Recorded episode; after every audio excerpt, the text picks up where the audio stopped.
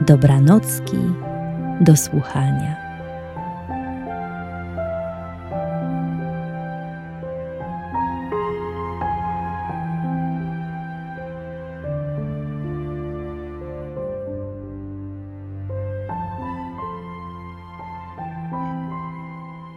Obudziła się porcelanowa filiżanka i natychmiast zaczęła rozglądać za swoim kompletem.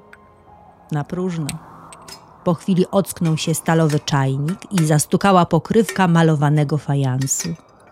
Zatykał zegarek z dewiską, a z drewnianej skrzyni wychylił się zaspany kapelusz z tiulową kokardą. Tamtego popołudnia w górach przyglądała Burza się zerwała się niespodziewana i potężna, z grzmotami i piorunami, wichrem gwałtownym i oberwaniem chmury tak, że całą okolicę zalały wody, jak w czasie potopu.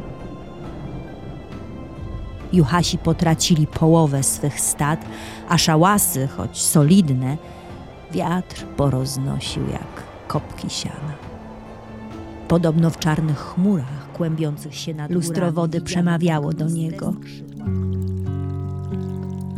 Ładny jesteś, młody dębie. Zapowiadasz się na wspaniały, wielometrowy okaz.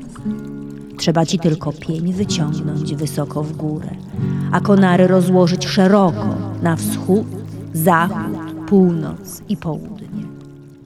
No i przystroić się zielonym listom. Usiądę tu sobie na chwilkę. Nic się przecież nie stanie. Jestem już tak blisko pałacu. A i tak na pewno zdążę. Znika dom handlowy. Z nim drogi do pracy i ścieżki do szkoły.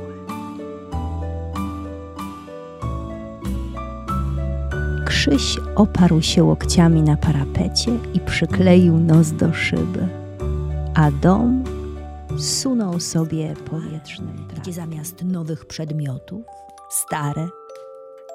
Stary sprzedawca w surducie starym, stare na nosie ma okulary. Dzyń, dzyń, brzdęknął dzwoneczek nad drzwiami. Ktoś wszedł do sklepu ze starociami, żeby coś kupić, rozumieć ma się, albo po prostu przenieść się w czasie.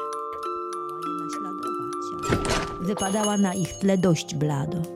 Tak więc często tkwiła na końcu niedźwiedziego ogona ze spuszczonym wzrokiem.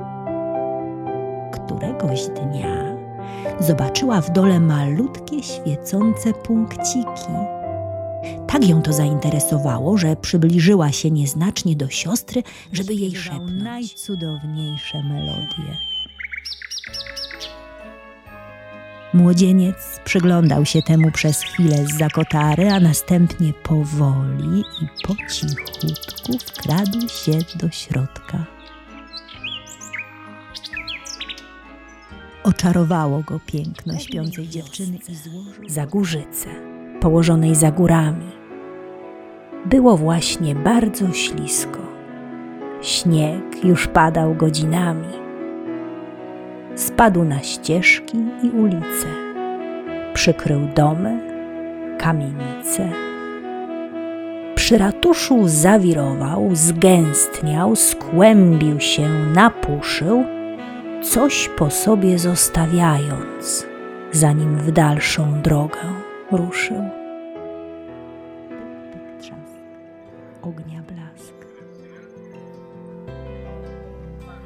Grzeją się zmarznięte ręce, od nich się rozgrzewa serce.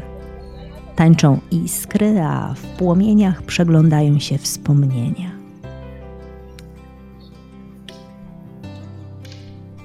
Pyk, pyk, trzask. I to już wszystko. Już dogasa nam ognisko. Choć dogasa, to nikomu nie chce wracać się do domu. Pyk,